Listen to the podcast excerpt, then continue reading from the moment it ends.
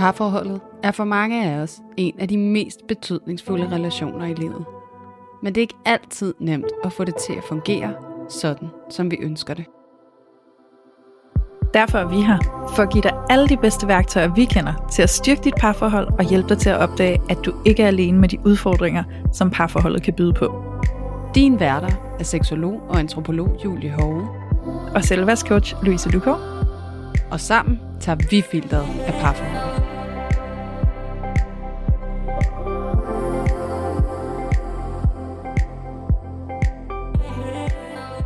Hej alle sammen, og hjerteligt velkommen tilbage her til Parforhold Uden Filter. Nu er vi altså vendt tilbage efter en tiltrængt juleferie, tør jeg så godt at sige, fordi vi to, Louise, vi er altså ikke indendørs verdensmester i at, at holde ferie og holde pause. Vi, øh, vi er ret lojale, når det kommer til det her med at udgive hver mandag. Så øh, nu tog vi os lige friheden og, øh, og luksusen og holdt lidt fri. Og øh, jeg ved ikke med dig, men for mig har det virkelig været rart. Så øh, kan vide, hvordan det er for dig lige at være her tilbage sådan til en start. Ja, men ved du hvad, jeg kan også mærke, det har været dejligt at have den juleferie, og virkelig bare sådan give plads til at holde den, altså de fridage der mellem jul og nytår. Øhm, det har været dejligt, og jeg tænker også, altså sådan, der kan jo sagtens være nogen, der måske har ekstra tid til at lytte podcast i juleferien, men der kan jo også være nogen, der bare har fuld schema med jul og julefrokost og, og nytår og alt muligt andet. Så hvordan det landede hos jer lytter, det ved jeg selvfølgelig ikke, men øh, vi håber da i hvert fald også, at I har haft en dejlig juleferie til dem af jer, der har holdt ferie, og at I alle sammen også er kommet godt ind i 2024. Så det er jo virkelig interessant nu at sidde her på den anden side af årsskiftet, og så øh, være tilbage igen. Og det øh, Mm. er jo egentlig også noget, der ligger lidt op til dagens tema. Ja, det kan man vist roligt sige. Øhm, Ja. Og jeg vil næsten starte med altså, at lave faktisk en lille disclaimer, fordi vi sidder her og indspiller onsdag den 3. januar, øh, som første gang her efter ferien, øh, første gang i 2024. Og øh, værkuderne, de ville simpelthen, at der skulle være storm. Øhm, Ja. Så øh, jeg var faktisk øh, stået tidligt op og var på vej ud af døren og på vej til København. Og så da jeg stod der og ventede på min bus, så ringede jeg jo til dig, Louise, og siger, det, det er altså lidt tvivlsomt det her. Skulle jeg virkelig våge mig hen over Mm. øh, øh, vandet og så hen til Sjælland? Det tror jeg måske ikke er verdens bedste idé, hvis jeg skal være helt ærlig. Så øh, det her, det er sådan lidt en force majeure. Øh, jeg sidder hjemme i min stue nu, og du sidder hjemme på dit kontor, forestiller jeg mig. Mhm. Ja. Og, øh, og så op, optager vi faktisk i dag sådan på helt old school maner, hvor vi ikke sidder sammen. Og det er sådan Ja. helt underligt faktisk. Jamen det er det, og det er jo sjovt, fordi man kan sige, at de første sådan, cirka tre år af podcastens levetid, der har vi jo optaget på den her måde, online hjemmefra. Men nu har vi jo i lang tid optaget inden fra vores studie, og kunne sidde Ja. sammen, og det er bare en anden måde at optage på, og en anden oplevelse, en anden dynamik, så det er sådan lidt underligt at sidde tilbage her øh, og optage online, men, men sådan må det være, når der lige er sådan nogle undtagelsestilstande. øhm, og med den snestorm, der foregår i Jylland, så kan jeg altså godt forstå, at du ikke lige vil våge pelsen herover i dag. Ja, ja, jeg tænker, det må være det, det klogeste, og man skal også være det der gode forbillede, ikke? Altså ikke tage unødige chancer. Så øhm, her sidder jeg altså øh, hjemme i Viby og kigger ud på totalt sindssygt stormvejr, og øh, en have, der Ja. nærmest er sådan fuldstændig tildækket af sne. Ja, Så og her i øhm, København er det sådan ok roligt, altså det blæser, det gør det, men, og det sner også lidt, men det er mere sådan noget hyggesne, der bare sådan daler. ja, nå. Ja. Ej, jeg håber ikke, I hvorfor- bliver så hårdt ramt, som vi er her. Nej, det håber jeg heller ikke, men det synes jeg sjældent København bliver. Det er som om, vi ligger sådan, som sådan en lille smørhul. Ja, jeg ved ikke, hvad det er med jer. I, skal sådan, I får sådan lidt helle over ved jer. Det er lidt snyd, Ja. faktisk. Ja, Ja, det men øhm, dejligt. alt andet lige, alt andet lige, så optager vi altså. Øhm, fordi at vi ville selvfølgelig ikke snyde jer for, at, øh, at vi skulle vende tilbage her efter ferien, og efter vi har været væk i lang tid. Så her er vi altså. Øhm, og fordi at det hele blev sådan lidt force majeure, og at vi lige skulle gøre noget andet her i sidste minut, så betyder det faktisk også, at, øh, at den plan, vi havde for i dag, og de gæster, vi skulle have talt med i dag, dem er vi altså nødt til at skyde lidt fremad. Så øh, der er noget godt i vente, tør jeg godt sige. Mm-hmm. Men øh, lige i dag, så bliver det altså lidt noget andet, end vi som udgangspunkt havde planlagt. Og øh, det vi vil i dag, det er simpelthen at lave sådan en god gammeldags øh, tilbageblik på 2023 i forhold til, Mhm. hvad er det, vi har lært øh, i vores parforhold, og hvad er det måske, der træder særligt frem, når vi kigger tilbage på det forgangne år, i forhold til øh, vores parforhold, og måske også bare sådan generelt en, en, en samtale omkring, sådan, hvad der har rørt sig, og så må vi jo se, hvor det leder os hen, Louise. Det kan jo som regel gå i mange retninger, når først vi begynder at åbne op for noget. Ja, det kan det. Men, øh, men Ja. spændende det bliver det i hvert fald, og jeg tænker også, at det kan være en opfordring til alle jer, der lytter med, til måske også bare lige at lave sådan en lille review på jeres eget 2023, fordi nogle gange så tror jeg, at vi er gode til bare sådan at leve livet, og så er vi bare på vej fremad hele tiden, ikke? og det, jeg tror det er meget sådan typisk, at vi tænker ind i fremtiden, og nå, hvad skal der ske i det nye år, og hvad vil vi, og sådan noget, ikke? men der er altså også virkelig meget nytte i nogle gange at kigge tilbage, og sige, hvad er det egentlig for nogle læringer, vi har fra året, og måske også bare det der med nogle gange bare lige at få et blik for, hvor meget der egentlig også er foregået i løbet af et år. Øhm, så jeg synes faktisk, det er ret fint at kunne gøre det. Altså jeg har i hvert fald selv haft ret godt nytte af det de gange, hvor jeg har kigget tilbage og prøvet at lave en eller anden form for opsummering på den tid, der har været. Og nogle gange giver det også en eller anden form for sådan, jeg har lyst til at sige sådan omsorg for, hold da op, hvor kan der nå at ske meget på et år. Og nogle gange så føler jeg, at det er let at glemme alt det, der er sket.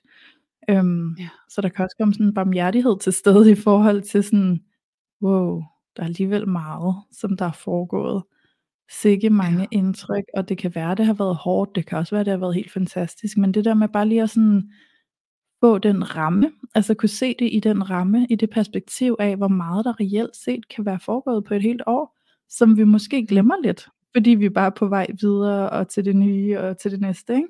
Ja, præcis. Præcis. Ja. Så øhm, et tilbageblik bliver det i dag. Ja. Og øh, hvilket tilbageblik, det finder vi ud af. Og Ja. vi har faktisk, øh, vi har ikke rigtig aftalt egentlig, hvem starter. Jamen er det fordi, du godt kunne tænke dig, at jeg skal starte? Jamen, øhm, åh, det ved jeg faktisk ikke. Jo, det kunne da godt være. Det Mm. er altså, du er meget velkommen, hvis det er dig, der gerne vil starte. Ja. Jo, men det vil jeg faktisk måske gerne, egentlig. Ja. Lige nu, når jeg sidder og er tænker mig om, øh, Mm. og mærker efter. øhm, og det er med en kæmpe disclaimer på, at der kan dukke mere op undervejs. Øhm, Ja, ja. Fordi at, som sagt, så er det egentlig sådan et tilbageblik, og så ved jeg, at sådan, så kender jeg også godt nok til Louise, at så siger du noget, og så, åh, så kommer jeg lige i tanker om noget mere, som måske i virkeligheden ville være værdifuldt at så dele med vores lyttere. Så øhm, ja, men hvis jeg sådan skal kigge tilbage på 2023, så er jeg altså nødt til at sige, at det har været et crazy år.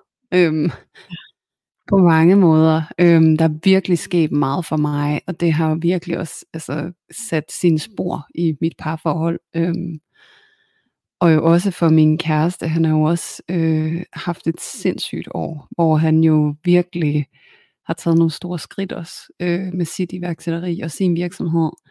Og I har jo også, både dig Louise, men også lytterne, hørt mig sige flere gange, at vi er sådan et sted, hvor vi er lidt presset og hængt op mm. med arbejde. Og, sådan, og man kan sige, det er måske i virkeligheden også den, det billede, jeg har lidt af 2023, at, at vi har været i proces begge to. Og Ja. deraf så har vi også lidt været det sammen. Øhm, der er mange ting, der er landet på en eller anden måde. Jeg tror i virkeligheden, at noget af det, der er blevet rigtig tydeligt for mig, når jeg kigger tilbage på 2023, det er, at det har været sådan et helingsår på mange måder. Men særligt i forhold til det at være i parforhold. Fordi noget af det, der er blevet tydeligt for mig, det er, at sådan, i mine forgangne parforhold i mit liv, øhm, der har et mønster for mig været lidt øh, at finde en mand, som jeg måske ubevidst, er det vigtigt for mig at sige, følte jeg kunne redde lidt. Øh, fordi deri Mm. fik jeg min berettigelse. Altså, hvis jeg kan redde dig, så har jeg en værdi, så er der brug for mig. I'm needed. Øhm, og det på en eller anden måde blev den underliggende motivation, der satte det ene ben foran det andet øh, for mig. Og øhm, allerede nu, da jeg mødte Jonan og begyndte at være kærester med ham, så ret tidligt, så blev det, han sagde sådan til mig helt, altså han verbaliserede det faktisk, at prøv at du skal redde mig. Jeg vil gerne have, at du Mm. ikke prøver på at redde mig. Altså sådan, øhm, og jeg tror helt dengang, da han sagde det, sådan, jeg tror også, jeg nævnte det i podcasten før, jeg forstod måske i virkeligheden ikke helt, hvad det var, han sagde. Mm. Øh, fordi jeg tror i virkeligheden, han så noget, som jeg ikke selv havde set helt tydeligt endnu. Og også fordi ja. han havde været min ven i så lang tid. Og, øhm, og der, der er stadigvæk, det er jo det der med, når vi ændrer adfærd, det tager bare tid. Mm. Øhm, så jeg tror også, sådan, selvom hun og jeg, vi har været kærester i, i fem år, så har der stadigvæk været en stor del af mig, som har haft en, en ubevidst overbevisning om, at sådan min værdi lå i, at jeg ligesom kunne være støttende, jeg kunne være hjælpende, jeg kunne være alt det her, og at, at på den anden side, så fik han lidt samme rolle over for mig også. sådan at man ja. skulle hjælpe hinanden, redde hinanden en lille smule. Altså sådan på et meget ubevidst plan. Ja. Øhm, jeg tror særligt her i 2023, så noget af det, der ligesom har forandret sig, det er det.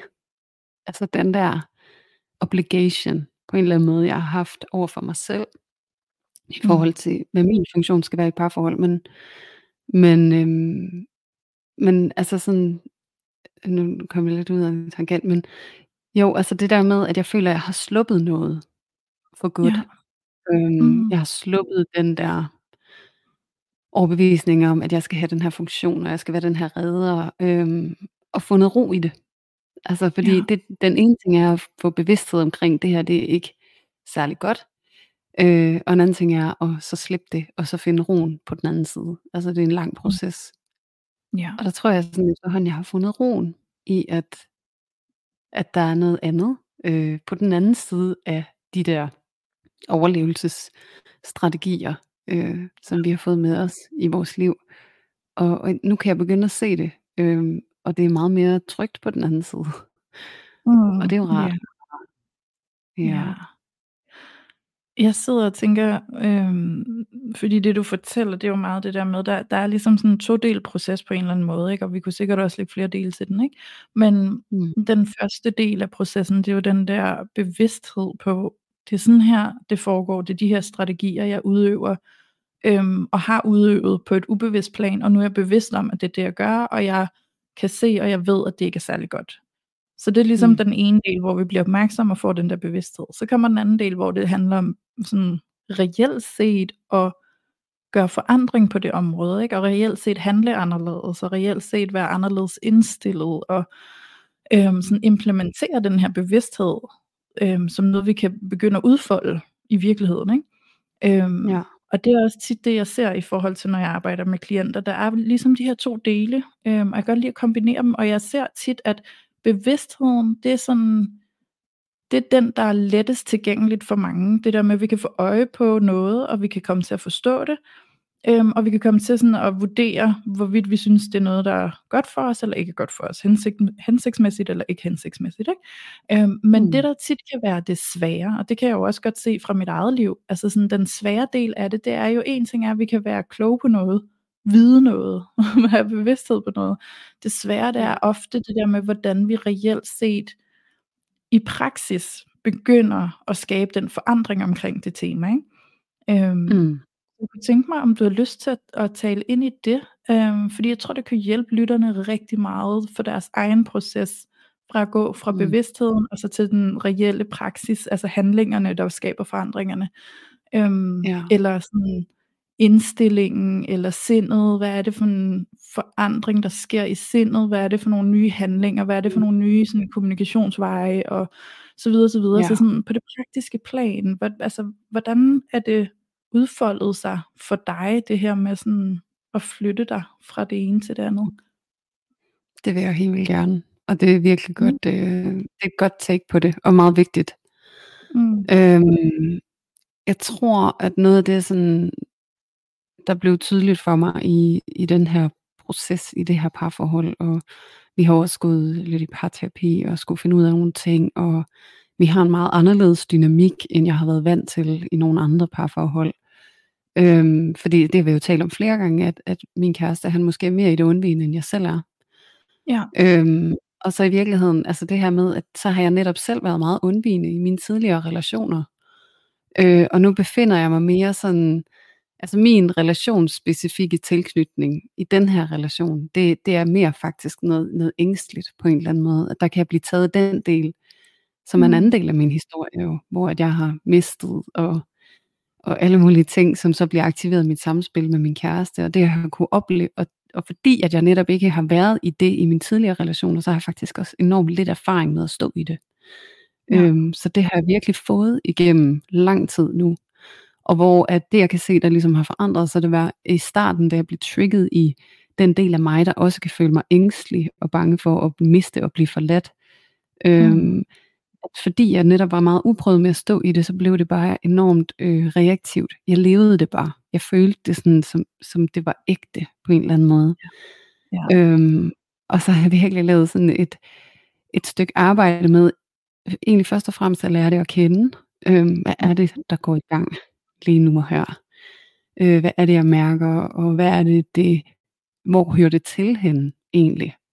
Øhm, så i første omgang, og det var også et stykke terapeutisk arbejde, hvor jeg også har fået hjælp af en terapeut, øhm, til netop at identificere, altså hvor hører den her reaktion i virkeligheden til hende, som jeg står i lige nu og her.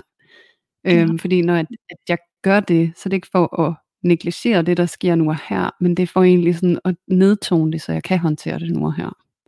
Ja. Fordi det der med at komme til at forstå, når faren er drevet over, fordi det hører til dengang, mm. og derfor giver det også god mening, at jeg lige nu og her står og føler det så voldsomt, som jeg gør.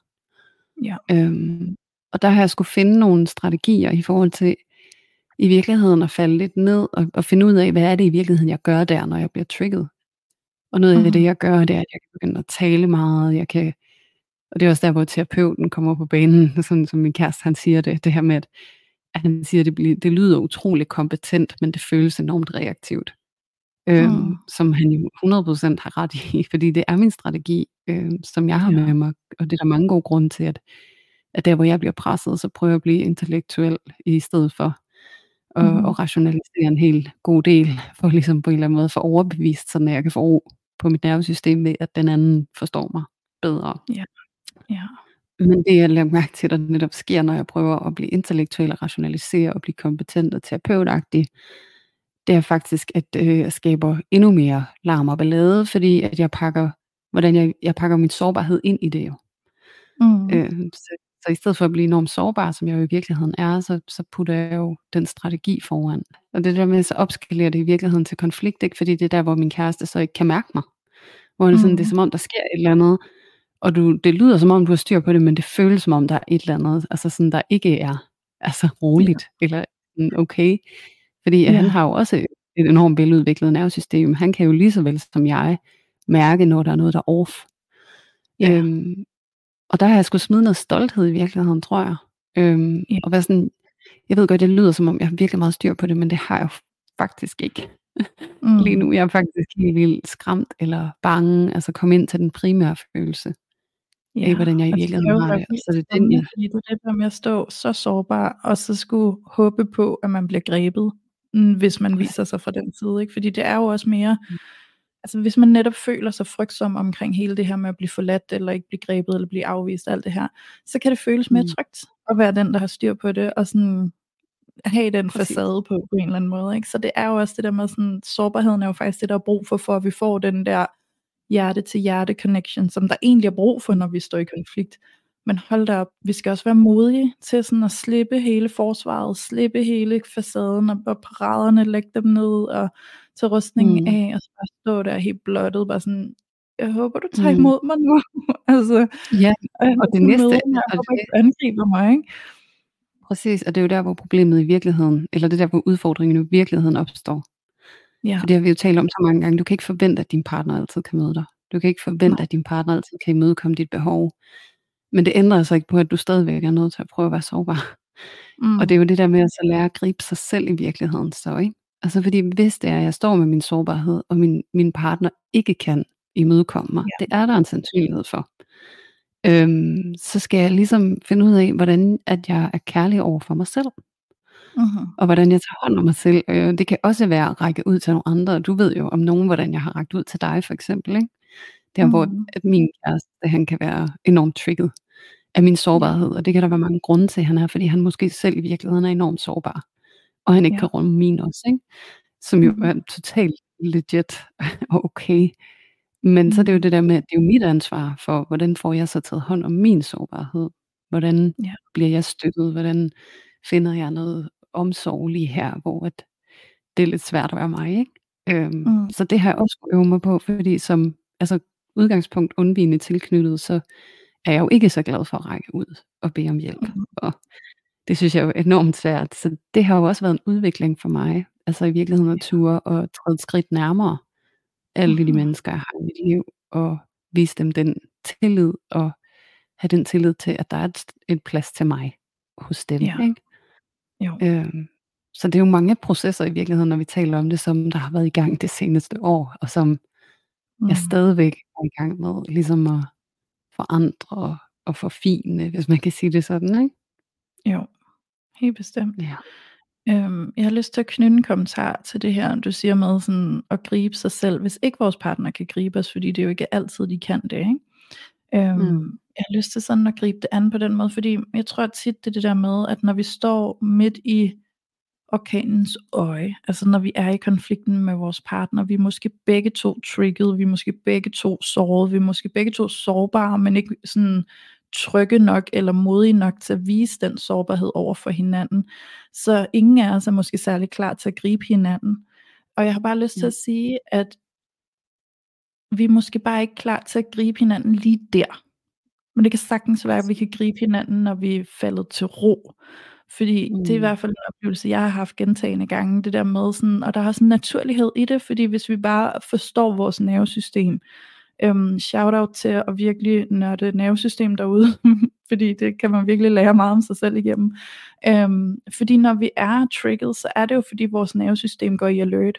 Det vil sige, at vores nervesystem tænker, der er far på færre, og så er det jo naturligt, at vi bliver lidt hårde, eller at vi begynder at få de her reaktioner, der er til for at beskytte os. Øhm, og lige der, der er jo ikke den der tryghed til at gå tæt på hinanden nødvendigvis. Der er måske lige en proces til at falde til ro først, og så kan vi måske møde hinanden. Ikke? Så kan vi lytte til hinanden. Så kan vi rent faktisk tage ind, hvad den anden siger. Så kan vi rent faktisk åbne op for hjertet og tillade at blive hørt også. Ikke? Øhm, Ja. så det er der med, jeg siger det egentlig bare for, at, at man ikke sidder derude og tænker sådan, øv, hvis min partner ikke kan gribe mig, og jeg så skal gribe mig selv, eller jeg skal gribes af andre, fordi det er jo måske min partner, jeg har allermest brug for at blive grebet af. Og jeg har lyst til at sige, at det handler jo egentlig ikke så meget om det der med nødvendigvis at blive grebet. Det er ikke som om sådan, her kommer jeg sådan mit lille offer, og du skal redde mig og gribe mig. Det er jo mere i virkeligheden, når jeg siger det her med at blive grebet af sin partner, det er jo faktisk enormt meget bare et spørgsmål om, jeg vil bare gerne have kontakt til dig. Jeg vil bare gerne have hul igennem. Jeg vil bare gerne, at vi kan mødes i en hjerteconnection. Øhm, Ja og det, og det kræver jo, at vi har øh, tryghed, hvor det føles trygt for os reelt set at, at stå sårbare over for hinanden. Og der har jo brug for et nervesystem, der er i ro. Øhm, Mm. Så nogle gange er det jo en proces, når vi bliver trigget. Det, altså vi må gerne blive trigget. Det er også det der med ikke at, og sådan, I må ikke tro derude, at I ikke må blive trigget osv. Det er naturligt, at vi bliver trigget, og når vi er trigget, er det også naturligt, at det kan være skidesvært at møde hinanden, og det kan føles som en hårdknude, og vi kan føle som om, at du er for dum, altså du forstår jo ikke noget, eller du møder mig jo ikke, eller du hører mig jo ikke, altså sådan, og så kan vi blive sådan helt vildt ivrige, øhm, og, og, og den anden vej tilbage, så står vores partner måske og har den samme over for os, og lukker af, eller øh, angriber, eller forsvarer, eller et eller andet i den stil, ikke? og det er virkelig det der med sådan, at vide lige der, det er også et behov, at vi lige sådan møder det. Det er naturligt, at vores nervesystem går derhen, hvor vores adfærd bliver sådan, og så skal vi finde ro, og så når der er kommet ro, så kan vi faktisk høre hinanden. Så nogle gange er det måske også det der med at give lov til, at vi ikke kæmper så meget for at skulle kunne høre hinanden, når, det egentlig, når vi egentlig ikke har omstændighederne for at kunne høre hinanden, men sådan lige vente til der er kommet ro på nervesystemet, og så kan vi høre hinanden. Ikke? Og, og, og hvor lang tid det Mm. tager, det kan være individuelt. Nogle gange så, kan man, så er det sådan en flydende proces fra trigger til forløsning sker i en flydende proces. Andre gange så er vi nødt til at gøre ophold, tage pause, lige få lidt afstand, og så komme tilbage. Det kan måske være et spørgsmål om minutter eller timer. Det kan også være et spørgsmål om en dag eller flere. Ikke? Altså så, så Mm. virkelig bare sådan at forstå, hvad det egentlig er, der sker med os, sådan, så vi også kan have en mildhed over for den proces. At vi ikke mm. føler, at det sådan er imod os, men at den faktisk er ret naturlig. Helt sikkert. Og virkelig Ja. vigtig skældning også, du kommer med, fordi at det er virkelig, virkelig vigtigt at understrege, nemlig som du gør lige nu, at det er ikke fordi, man ikke må have reaktioner over for sin partner. Det er ikke fordi, at alt, hvad der gør ondt og smertefuldt indeni, det er noget, du skal tage væk og ud af parforholdet, fordi det, det er på ingen måde muligt og heller ikke hensigtsmæssigt, fordi at, at parforholdet er en, en tæt tilknytningsrelation. Så der Ja. skal være en eller anden form for plads til en sårbarhed, øh, for at relationen i og for sig er bæredygtig.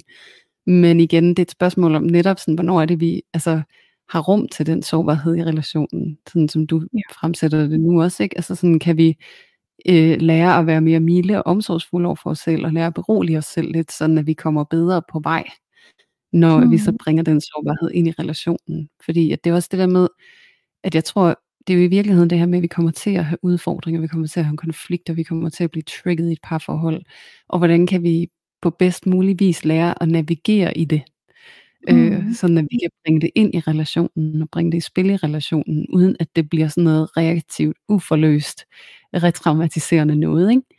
Ja. Øhm, det, det er netop det, der har været min læring øh, i virkeligheden, at der, hvor jeg bliver trigget og bliver enormt sårbar, at der har jeg på mange måder haft så lidt tillid til, at, at mine følelser har haft en berettigelse.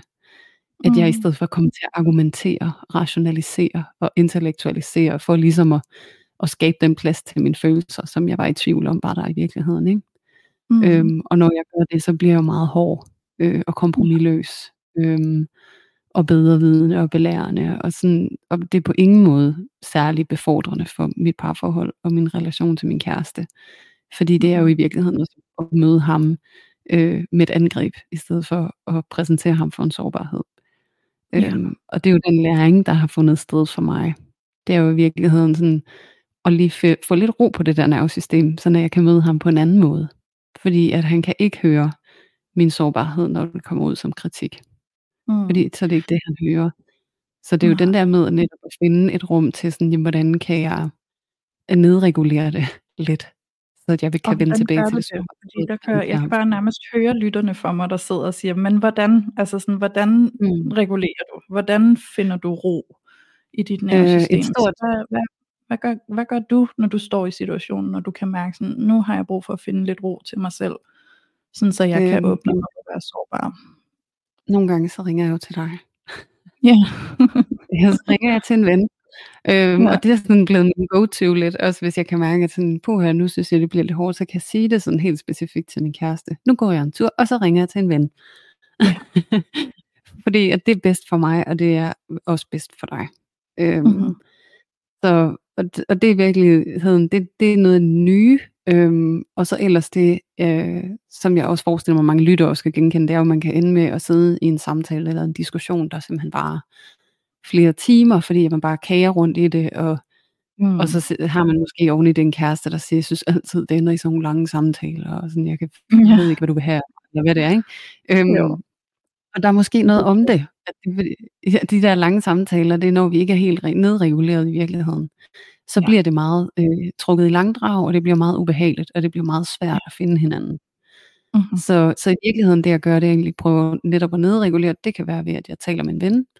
Øh, jeg går en tur, altså be, får bevægelse i min krop, fordi noget af det værste, vi kan gøre, når vi trigger, det er faktisk at sidde stille og mm. stagnere. Mm. Øh, det er rigtig godt for vores krop og for vores nervesystem, at vi kommer i bevægelse. Mm. Øhm, og det kan også være at høre noget musik, øh, simpelthen lige få flyttet fokus fra det en lille smule, så ja. kan det også falde lidt i ro.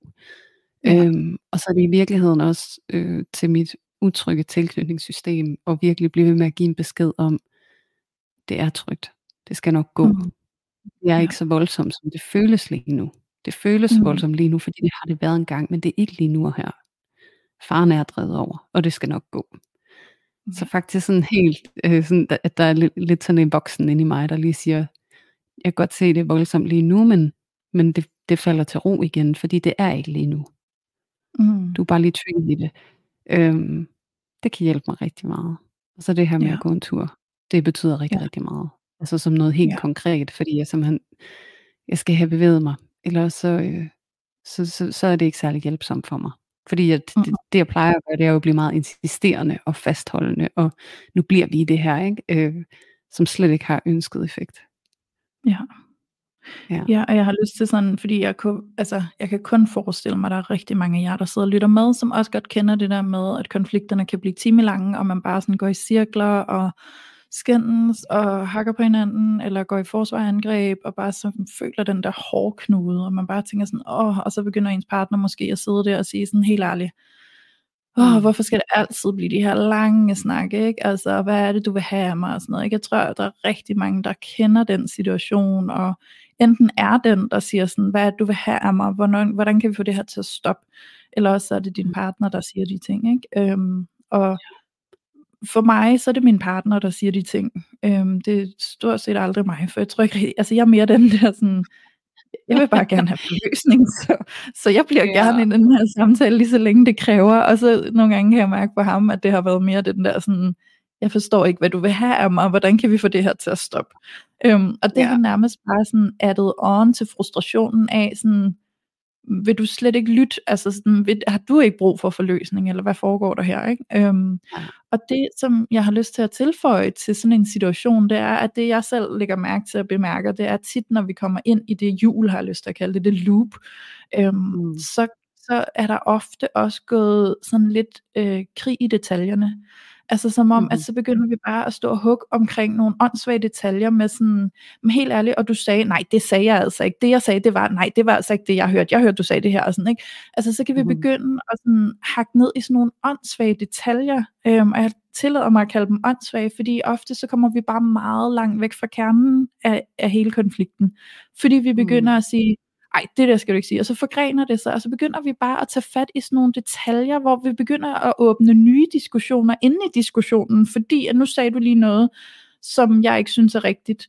Så skal vi lige diskutere, hvem der har ret i det. Øhm, så, så det der med, så folder det sig bare mere og mere ud, og det er som om, der kommer sådan nogle nye lag på, som gør, at vi kommer længere og længere og længere væk fra kernen af problemet, eller kernen af konflikten, mm. eller hvad vi skal kalde det. Ikke? Øhm, ja.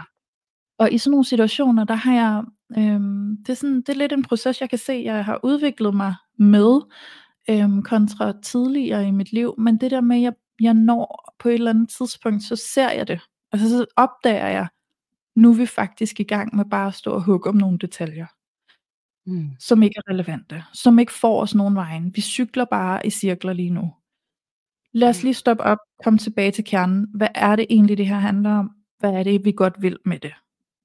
Fordi mm. i sidste ende, så vil vi jo begge to gerne have fred. Vi vil begge to gerne have kærlighed. Vi vil begge to gerne føle os trygge. Vi vil begge to bare gerne have den her connection. Så hvad hvis vi lige prøvede det? Ja. Og der kan jeg mærke, at det giver noget, fordi lige pludselig, så bliver, så bliver hele stemningen, og hele tonen, og mit hjerte og sådan noget, bliver bare meget mere mildt.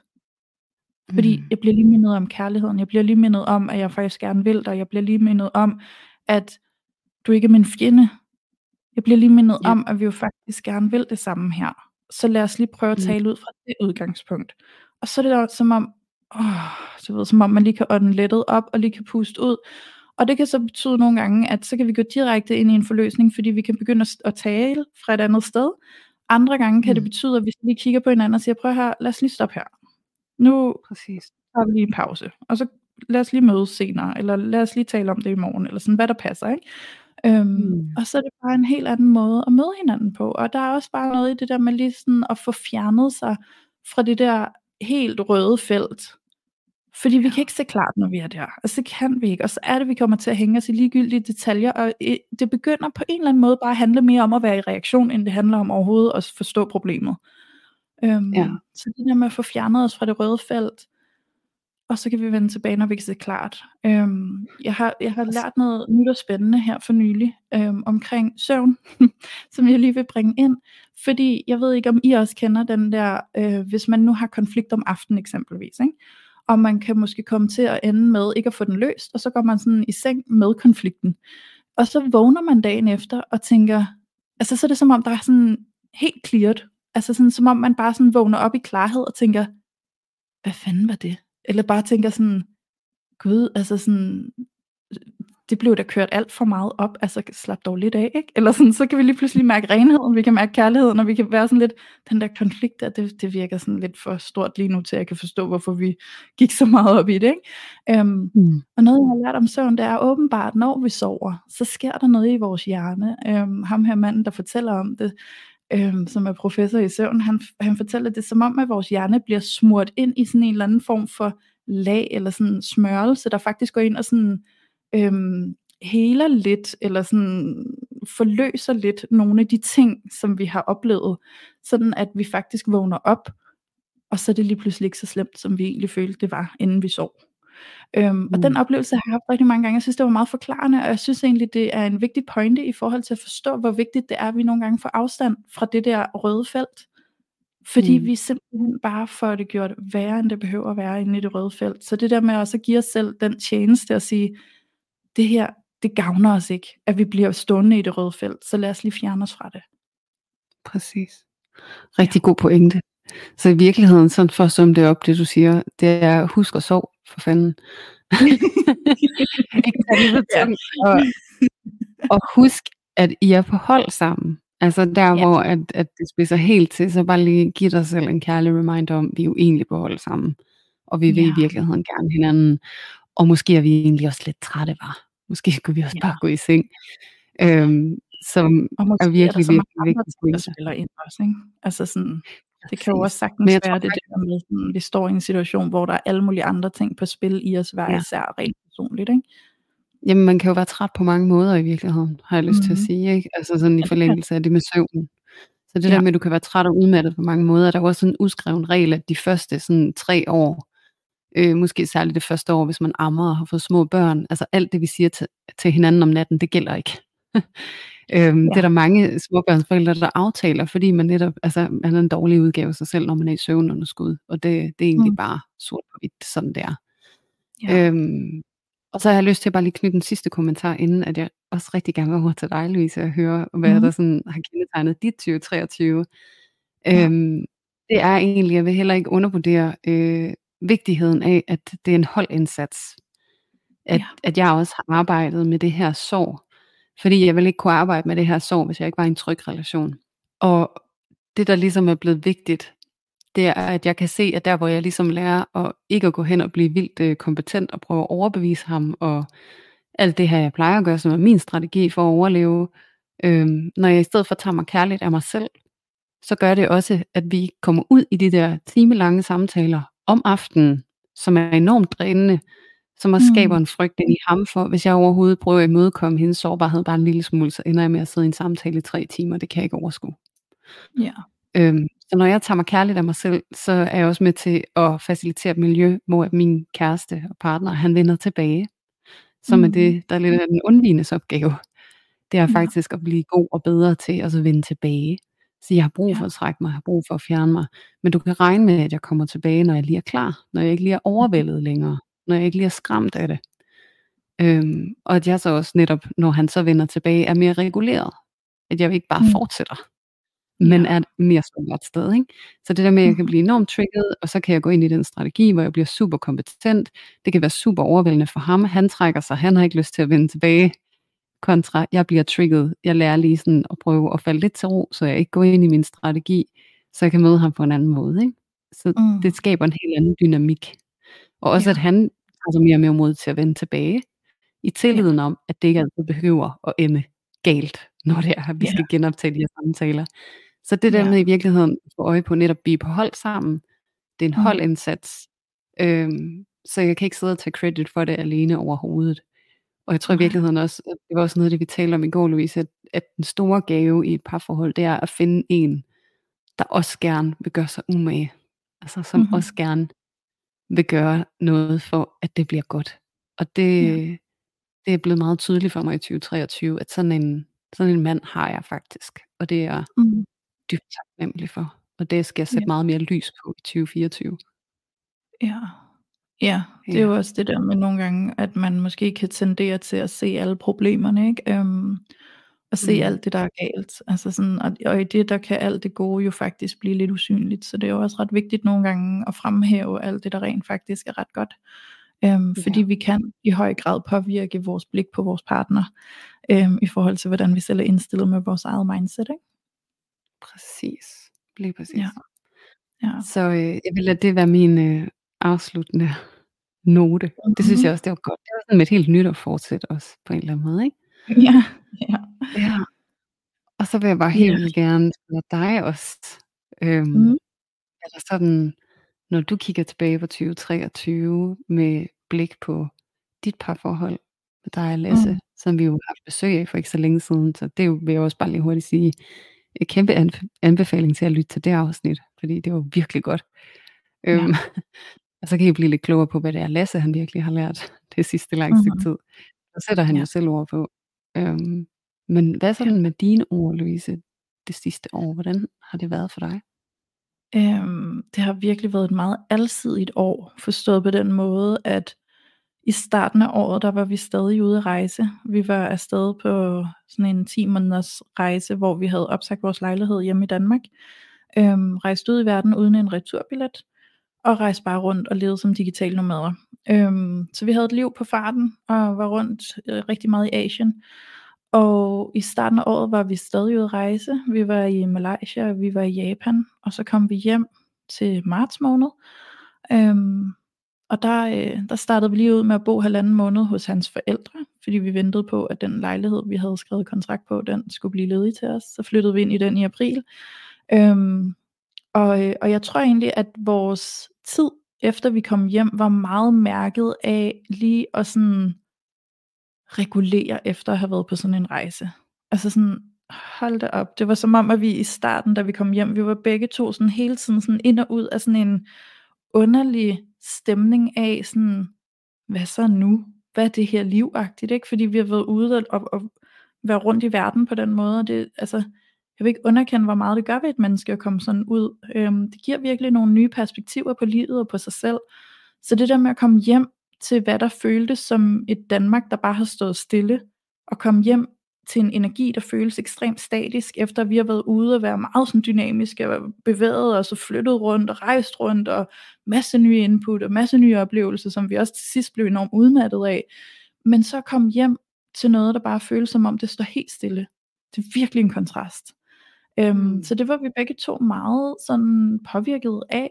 Øhm, så jeg tror egentlig, der gik sådan lang tid, hvor vi egentlig bare sådan begge to sådan faldt ind og ud af sådan nogle underlige sådan nedtrykte perioder, hvor vi virkelig synes sådan, det var lidt svært at forholde os til, at nu er vi bare her. Hvad, altså, hvad skal der ske? Så jeg tror sådan, store dele af året har været, altså har handlet meget om, at vi har haft mange snakket om, hvad vil vi med det her liv? Øhm, hvordan vil vi forme det? Hvordan vil vi leve det? Hvor vil vi leve det? Øhm, hvad skal der ske? Vi har haft sindssygt meget fokus også på, vil vi have børn, eller vil vi ikke have børn? Det er sådan en samtale, der har været ongoing i fire år for os. Øhm, hvilket egentlig også er ekstremt udmattende hele tiden at være i tvivl om. Øhm, mm. og samtidig fordi, at øh, jeg er 37 nu, og min kæreste han er 34, Øh, han fylder 35 lige om lidt, så vi kan godt sige, at han er 35, og jeg er 37. Så vi har jo altså også altså en biologi, der, der venter på, at vi tager en beslutning på en eller anden måde. Vi har ikke uanet mængder år tilbage til at tage den her beslutning. Øhm, så, og, og så har vi flyttet ind et sted her i København, hvor at vi, vi har været sådan lidt til at starte med ikke så tilfredse med lige at være her, men, men det var det sted, der var ledigt og frit til at flytte ind i.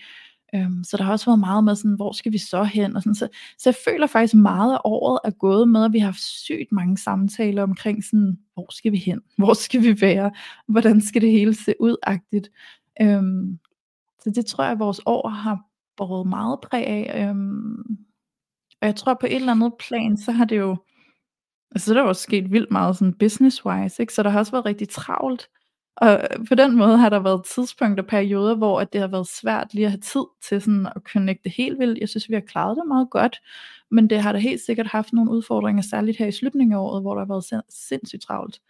Øhm, så, så mm, jeg har så svært ved sådan egentlig at samle det, fordi jeg føler, at det hele er så adspredt og så alsidigt på en eller anden måde, men jeg, men jeg synes, at den sådan generelle stemning i vores parforhold har været øhm, rigtig meget omkring det her med sådan at forme noget, og sådan finde ud af, hvilken retning vi vil i med livet og sådan noget. Ikke? Øhm, og generelt set så er altså, vi er gode til at snakke sammen, og noget som, jeg spurgte min kæreste, inden vi skulle optage her, sådan, hvordan vil du egentlig beskrive 2023 for vores parforhold?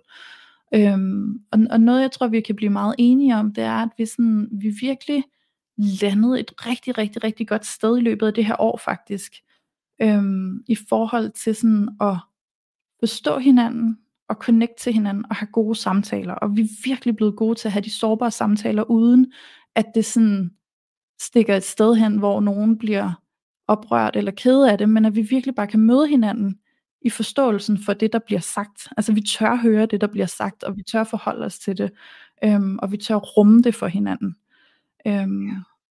Fordi det, det, det føler jeg virkelig sådan et, et gennembrud, der er sket. Øhm, og vi havde en interessant samtale her i løbet af juledagene. Vi var hos hans familie, og så kommer hele den her snak op om, at, om, om vi vil have børn, eller om vi ikke vil have børn, og vi snakker med hans familie om det.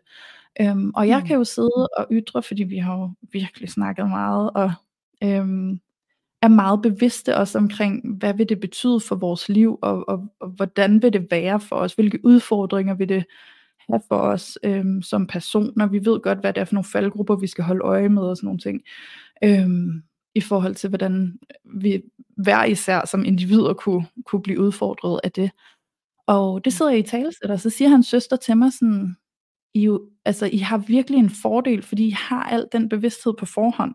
Der er mange, der får børn, som jo bare får det, uden lige at tænke så meget over det, inden de gør det. De gør det bare, og så kommer oplevelsen, og så finder man sin vej i oplevelsen, når den er der. Hvor at hun mm. sagde sådan, det at I allerede ved, hvor I to kan blive udfordret. I kender hinanden så godt, og ved præcis, hvor det er, at det kunne blive virkelig svært for jer, eller hvad for nogle faldgrupper I kunne stå overfor det giver jeg jo allerede en styrke på forhånd. Altså hun prøver sådan at hæppe os til, at vi gerne skal have børn, ikke? skal lige siges. Mm. Øhm, men, øhm, men hvor jeg sagde til hende sådan, fordi så kom vi til at snakke om sådan noget med, hvor længe man har været sammen, hvordan man kender hinanden og sådan nogle ting. Og, og der gik det virkelig op for mig sådan, jeg tror ikke rigtigt, at det handler nødvendigvis om, hvor længe man har været sammen. Det handler om, hvordan har vi gjort en indsats for at komme til at forstå hinanden på et dybt plan og på et psykologisk plan. Altså virkelig forstå hinandens indre liv. Øhm, forstå ja. hinandens øh, baggrund, forstå hinandens trigger, forstå hinandens traumer, forstå alle de her ting. Og der må jeg bare mm. lige sige, at hold da op, hvor har vi brugt meget energi og tid på virkelig at dykke ind i sådan nogle ting sammen. Altså sådan det der med, hver, hver gang der har været en udfordring, hver gang der er en kamp, øhm, og, og det kan godt være, at det er mig, der frontløber, det, det, det vil min kæreste måske nok sige, men, men jeg synes, han er kommet godt efter det, i forhold til, hold op, jeg ser nogle udviklingspunkter, der er sket i løbet af det her år, øhm, mm. fordi min kæreste har også været ham, der har været sådan, øh, du ved ikke, skal vi virkelig sidde og mm. snakke så meget om alt det her, ikke? Altså, kan vi ikke bare komme videre, ikke? Og der har jeg måske været lidt den her, der har været lidt mere stadig på, sådan, prøv det er vigtigt, det er vigtigt, at vi forstår mm. det her. Det er vigtigt, at vi arbejder med det, fordi jeg ved, det giver os en styrke i den anden ende. Så lad os nu for helvede mm. få kigget på det. Ikke? Øhm, ja. og, og nu kan jeg jo se bare sådan, altså, jeg har lyst til at give et eksempel på, hvor jeg ser et skifte, særligt for hans udvikling også, som jeg er sindssygt glad for og taknemmelig for. Det er jo, at det har været svært for ham, det der med egentlig at, at komme efter en konflikt, og så sige undskyld, eller sådan anerkende, jeg kan godt se, hvorfor det her var svært for dig, eller jeg kan godt se, at det her ikke var særlig rart for dig, at jeg sagde sådan, eller at jeg gjorde sådan. Ikke? Øhm, det har han haft så svært ved. Altså det har været nærmest ikke eksisterende i det første lange stykke tid af vores parforhold. Og nu i løbet af det her år, der har jeg mærket sådan en gennembrud, hvor at det reelt sker. Altså hvor han kan komme til mig bagefter og sige sådan nogle ting, og så sidder jeg jo bare der med kæben helt ude på bordet, bare sådan, hvem er du, og hvor gør med en kæreste? og, og hvor mange år er det lige her sammen, Louise? Jamen altså, vi har jo været sammen i noget over syv år nu, ikke? så vi er på vores 8. Ja. år, kan man sige. Jeg har ikke sådan lige okay. styr på Nej, det. men jeg synes bare, det er så vigtigt, det du siger lige nu. Øh, også i et tidsperspektiv. Ja. Fordi det der med, at der er kommet nu et gennembrud på noget, som har været enormt betydningsfuldt øh, for dig. Mm. Altså det har været en virkelig vigtig milepæl, eller noget at komme til, ikke? Jo. Men også at se, altså sådan det, det arbejde, det har krævet, altså det I har lagt i det, og den villighed I har begge to til at vokse ja. i jeres relation. Altså sådan, nogle gange så er det også sådan, at good things take time. Fordi jeg tror netop, at man, man kan miste, øh, man kan miste håbet lidt undervejs, og sige, det kommer aldrig til at blive anderledes og sådan noget. Mm. Men det, det kan det godt, hvis at begge parter i forholdet er indstillet på det.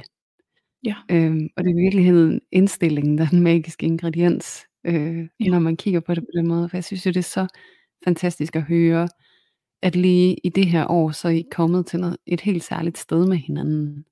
Og mm. måske også kvæg alle de oplevelser, jeg har haft. Altså at være digitale nomader og være hinandens primære i så lang tid, det gør altså også noget intenst ved en relation. Så der er mange gode grunde til, at I er kommet hertil. Øhm, mm også din ja. primus motor indsats og alt muligt, ikke? Men det er så fantastisk jo. at høre, at I er kommet hertil. Ja, og faktisk det du siger med at være ude som digitale nomader og stå i den intense oplevelse af at være hinandens primære, øhm, og, og vi var jo sammen 24-7 Øhm, for det var det, det sådan indbød til. Altså sådan, øhm, og særligt min kæreste, kan jeg huske, han har formuleret, at der var bare, altså, der var ikke rigtig nogen vej udenom at håndtere konflikterne. Vi var lidt nødt til at gå ind i dem og tale om dem og få ryddet op i dem og få dem clearet. Øhm, så jeg tror, og, og det er måske lidt min natur at gøre, men det tror jeg ikke har været hans natur fra start af. Så jeg tror mm. faktisk, at på rejsen, det at han oplevede det som om, der er ikke rigtig nogen vej udenom, vi er lidt nødt til at face it head on. Øhm, det tror jeg måske har gjort noget, der har forandret noget ind i ham, i forhold til at, at sådan mærke, at, at det har skubbet til noget i forhold til, at det har været det er en ny oplevelse for ham nu, hvor han faktisk kan se værdien i at få mm. clearet konflikterne, og ikke bare sådan få dem ryddet af vejen, ikke? Øhm, og jeg, har, jeg vil også gerne bare lige have lov at sige, fordi det du siger, Julie, synes jeg giver god mening, det der med sådan, at se det i et perspektiv af en tidsramme i forhold til, at vi har været sammen i de antal år, vi har, og at tingene tager tid og sådan noget, ikke? og jeg har lyst til at sige, at ting tager ikke bare tid, ting tager indsats. Øhm, mm. og, og, og jeg har bare lige lyst til at sige, for, for alle jer, der sidder og lytter med, hvis I lytter til mig lige nu og tænker sådan, ej, det lyder jo også bare sådan virkelig nemt for dem, eller det lyder jo virkelig som om, at det bare har flasket sig, eller sådan, øhm, altså om bag alt det, jeg kan fortælle lige nu, der er rigtig mange år og rigtig mange episoder, hvor vi virkelig har kæmpet. Altså hvor vi virkelig har gjort en indsats, hvor vi virkelig har måttet stå i nogle konflikter, der var svære. Jeg har også øh, mange gange i løbet af vores parforhold haft tidspunkter, hvor jeg føler det, eller har følt, at det hele har været en hårdknude, og hvor jeg virkelig bare har svært ved sådan at forstå, sådan, hvordan kommer vi videre fra det her, bliver det nogensinde anderledes, jeg synes, vi kører i ring med vores konflikter, jeg synes simpelthen, vi rammer hovedet mod den samme mur, og det er udmattende, anstrengende, jeg kan ikke overskue det, og, øhm, men, men så har vi jo også tilladt os det der med at sætte os ned og kigge på hinanden og sige, er det stadig det her, vi skal? Altså er vi stadig interesseret i at være i den her relation med hinanden, vil vi stadig gerne lægge en indsats, vil vi stadig gerne arbejde på det. Og, og hver gang vi har sat os ned og spurgt hinanden om det, så har svaret været ja. Så der, der har trods alt, hvad, hvad der har været af udfordringer, som jeg ved er sindssygt normalt for et forhold at have, og det er også bare der, altså jeg har lyst til bare lige at sende sådan en skud ud til alle sammen. Det er super normalt, at vi virkelig skal slippe kanter sammen. Jeg tror, det er sådan en utopi at forvente, at vi falder ind i en relation, og så er den bare glidende, fordi, åh, jeg mødte bare den rigtige, og så passede vi sammen, og så var det bare glidende. Det er normalt, at vi skal slippe kanter sammen. Øhm, mm. Så jeg har bare virkelig lyst til at bidrage med, med det perspektiv til det. Altså, så der har mm. trods alt i, i udfordringerne, når de også har været øh, sådan, den største hårdknude, så har der trods alt været en villighed, og der har været en kærlighed, og der har været en lyst, og vi har virkelig sådan kunne se for os, vi vil gerne have den her fremtid sammen, fordi hold kæft, hvor vi også bare har det sjovt sammen, og vi bare har bedste venner, og alt muligt andet, så, så, så på en eller anden måde, så har det bare været sådan en meget selvfølgelighed, at de her mm. udfordringer skal vi selvfølgelig bare arbejde på. Øhm, Præcis. Men jeg tror også, vi har haft stor værdi i, at vi har tur at stille spørgsmålet til, vil vi stadig fortsætte relationen? Fordi det tror jeg rigtig ofte, at det kan være rigtig skræmmende at spørge hinanden mm. om, fordi man måske ikke har lyst til overhovedet at kigge det i øjnene, at det kunne være en mulighed, hvis man ikke skulle være mm. sammen. Ikke? Så, men, men det at ture, det er sådan, så man også tager et meget rent valg, og fortsætter mm. i klarhed om, det det vi gerne vil. Så vi også bare ved, at vi begge to er her for at gøre en indsats, fordi så kommer nemlig den der team spirit, du snakker om. Og det ved jeg, min kæreste har nævnt mange gange, så det tror jeg også er en ting, hvis det var ham, der sad lige og, og snakkede lige nu, jeg skulle give sådan en review over 2023, så tror jeg, han ville sige sådan, der kommer meget mere timer ind, og det tror jeg også er kvæg vores rejse. Ja, og det er så afgørende, fordi det er så rigtigt, det du siger også, det her med, at vi skal kunne stille det der svære spørgsmål. Er vi i virkeligheden stadigvæk gode for hinanden? Mm. Øh, vil vi i virkeligheden gerne det samme, eller er, der, er vi måske ved at finde en skillevej, eller hvordan ser det ud? Det er så ja. vigtigt, at vi tør stille det spørgsmål, fordi at ja. så er det et aktivt tilvalg af en relation. Og ja. når vi laver et aktivt tilvalg, så er der også en villighed. Og det er også det, vi siger inde i terapiens verden. Hvis ikke der er villighed, så er der ikke terapi. Øhm, ja. Der skal være en villighed fra begge parter til at forandre sig, og til at mm-hmm. gå ind og arbejde med sig selv i en relation, ellers så er der ikke nogen relation. Ja. Øhm, det kan godt være, der ikke er en villighed lige nu, men kan man så finde den, er så spørgsmålet, ikke? Kan vi finde mm-hmm. en villighed? For der kan være mange gode grunde til, at den ikke er der. Den kan godt være ja. en protest mod, at man føler sig gjort forkert, eller hvad det måtte være. Og det er en naturlig, hvad kan man sige, modstand eller grænse. Men kan vi så arbejde med den, sådan at vi kan finde en villighed til at ja. gå ind i relationen sammen og udvikle den sammen? Fordi mm-hmm. det er i virkeligheden bare det, der er så enormt afgørende. Og jeg synes jo, det, det er fedt, du bringer den del op, Louise, også fordi at så på mange måder, så bliver det sådan en wrapping af vores 2023 på en eller anden mm-hmm. måde. Et sted, hvor vi mødes, ikke? Øhm, at det her med, det der ligesom bliver tydeligt, det er den der villighed til forandring, øh, villighed til udvikling ind i det relationelle, og så har vi haft forskellige forløb med det, som jo i virkeligheden også er godt for lytterne, forestiller mig at høre, ikke? Øhm, mm. at sådan, det kan godt være, at dit liv er meget anderledes fra mit og sådan noget, men der, altså, vi gennemgår nogle processer, hvor vi alligevel kan spejle os og, og møde hinanden i det på en eller anden måde. Det er jo en, i og for sig meget tankevægtende, ikke? Jo, jo det er det helt bestemt. Mm. Måske også bare et symbol på, at når alt kommer til alt, så tror jeg, at fundamentet er meget det samme for alle mennesker. Øhm, mm, og så er der bare alle mulige forskellige klodser, der ligger ovenpå, ikke? Ja. Lige præcis. Mm. Så, øhm, så det var et wrap-up for vores 2023 var især, øhm, når vi lige skal gøre tilbageblik på, øhm, på året, der er gået. Hvad har det egentlig rummet? Hvad har det indeholdt?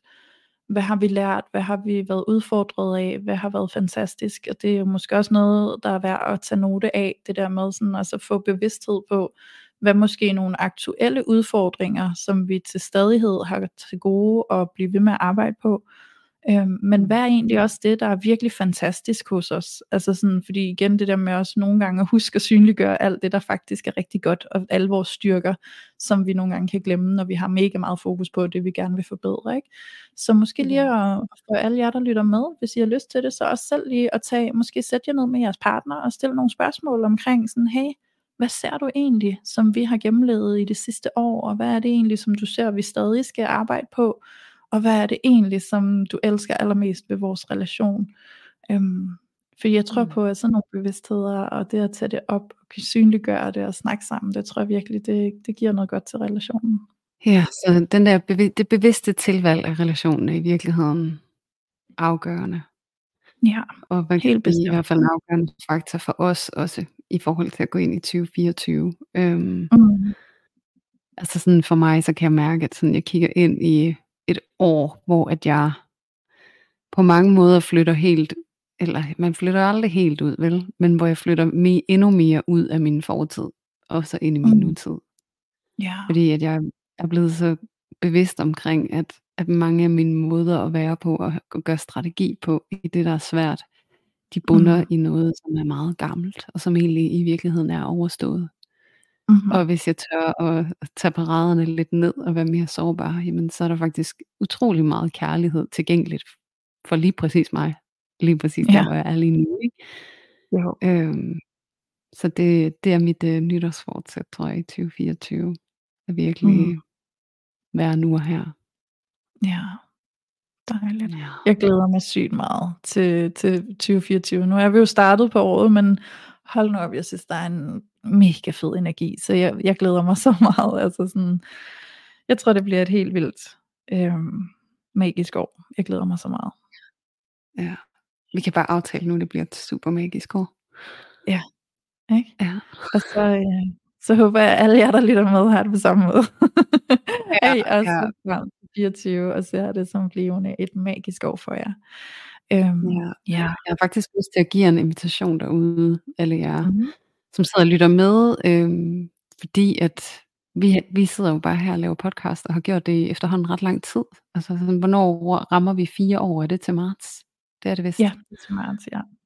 Ja, så der er virkelig ikke lang tid til, og, og vi har jo siddet og øset ud igennem så lang tid, og øh, vi elsker faktisk at også få noget tilbage fra jer øh, at I mm. sætter ord på, I deler, og måske også altså, for endnu flere skyld, så hvis I kunne dele ind i øh, vores loge inde på Facebook. Øhm, mm. Sætte nogle ord på, hvad, øh, hvad I har lært i 2023. Ja, og måske, det kunne også være super øh, inspirerende for de andre medlemmer inde i logen. Præcis, det er nemlig det. Så hvad I har lært i 2023, og måske også hvis der er, at der er nogle episoder her fra podcasten, som har inspireret jer til noget af den læring, øh, som I har fået her i 2023, så også dele det derinde øh, mm. i lotion. Så sådan del din guldkorn, fordi det er dine guldkorn, og de har værdi for alle os andre. Øh, så det vil vi elske, hvis I gad at gøre sådan en kæmpe opfordring og anbefaling herfra til at gøre det. Ja, ja det kunne faktisk være rigtig, rigtig sjovt at se. Øhm, ja. Og meget inspirerende. Fordi det kan jo også godt være, at der er nogen, der sidder, det kender jeg i hvert fald godt selv, hvis du bliver bedt om at, at sætte ord på sådan, Nå, hvordan er året gået, hvad er der sket, hvad har du lært og sådan noget, så kan jeg godt sidde og blanke lidt ud og være sådan, det kan jeg da ikke huske. altså sådan, øhm, så det der med, at der er nogen, der deler deres historier og kan sætte lidt ord på deres, det kan være, at det vækker nogle minder i dig selv, hvor du tænker, nå ja, det kan jeg da egentlig godt genkende og sådan noget. Så, øhm, så gå endelig ind og del, det kunne være helt vildt inspirerende. Ja, det er det også netop for så faktisk at sætte lys på det, man har gjort, ikke? Altså fordi man kan jo mm-hmm. i virkeligheden have lavet et enormt stort stykke indre arbejde, men ikke ja. rigtig lige selv helt set det. Og så er der lige ja. nogle andre, der bringer, sætter lys på det, og så er man sådan, gud, hvor har jeg egentlig rykket mig meget, ikke?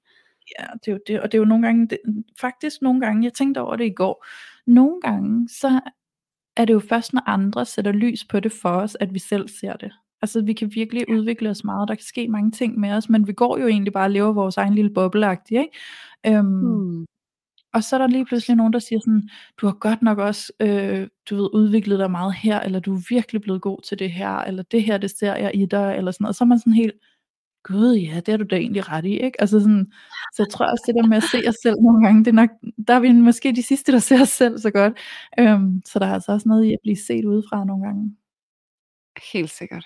Helt sikkert. Ja. Så endelig gør det, hvis du har en eller anden øh, solstrålehistorie, eller en eller anden proces, du måske er mm. midt i, øh, ja. som du kunne tænke dig at dele øh, inde mm. i Lotion, øh, eller bare med os, så må du også gerne sende det på, til os på Instagram. Mm. Øhm, eller med din partner. Altså, fortæl din partner, hvad du ser, din partner har rykket sig omkring, eller hvor du virkelig ser, at de har gjort en indsats, eller et eller andet andet, og så lad dem også fortælle dig det. Ikke? Det kunne også være en ja. ret fin øvelse, tror jeg. Åh oh, ja, Ja, ja, faktisk. Altså kæmpe opfordring mm. til at sætte dig ned med din partner, og faktisk virkelig sætte lys på alt det, du ser, I er blevet helt vildt gode til. Ja. Fordi at, øh, og vi har sagt det mange gange, og det er totalt floskel, men græsset det vokser altså der, hvor vi vander det. Ja. Øhm, og vi har altså en tendens til at se problemerne først, og fuldstændig overse alt det, som i virkeligheden går rigtig godt, og som vi er super mm-hmm. glade for. Øh, mm. Fordi at når det går godt, og vi er glade for det, jamen så går det også ofte ubemærket hen, fordi det ikke er et problem. så husk at sætte ja. lys på det, der virker. Øhm, kunne også være en rigtig, rigtig god reminder her for 2024, øh, fordi det giver altså et langt bedre parforhold, når vi gør det. Ja, det gør det. Mm. Det gør det virkelig. Så Julia, lad os runde af for i dag. Lad os gøre det. Vi kan se, at vi har ramt vores time, som vi gerne vil prøve at nogenlunde holde vores øh, afsnit på. Øhm, ja. Og jeg synes, vi har fået virkelig snakket godt igennem vores 2023. Jeg synes, der er kommet nogle gode indsigter på bordet. Jeg håber, det har været med til at støtte og inspirere mange af jer, som sidder og lytter med. Øhm, og jeg håber, I tager nogle øh, gode idéer med jer her til slut. Og så vil jeg bare sige tak til dig, Julie, for at dele og åbne op omkring dit 2023. Ja, selv tusind tak. Det har været øh, mm. dejligt inspirerende også at få et wrap-up på jeres rejse, og øh, det håber jeg også, at det har været for lytterne derude. Ja. Og øh, for øh, første gang i 2024 skal der lyde et kæmpe tusind tak til alle jer, der sidder og lytter med derude, og øh, tak fordi I endnu en gang har været med til at tage billeder af parforholdet.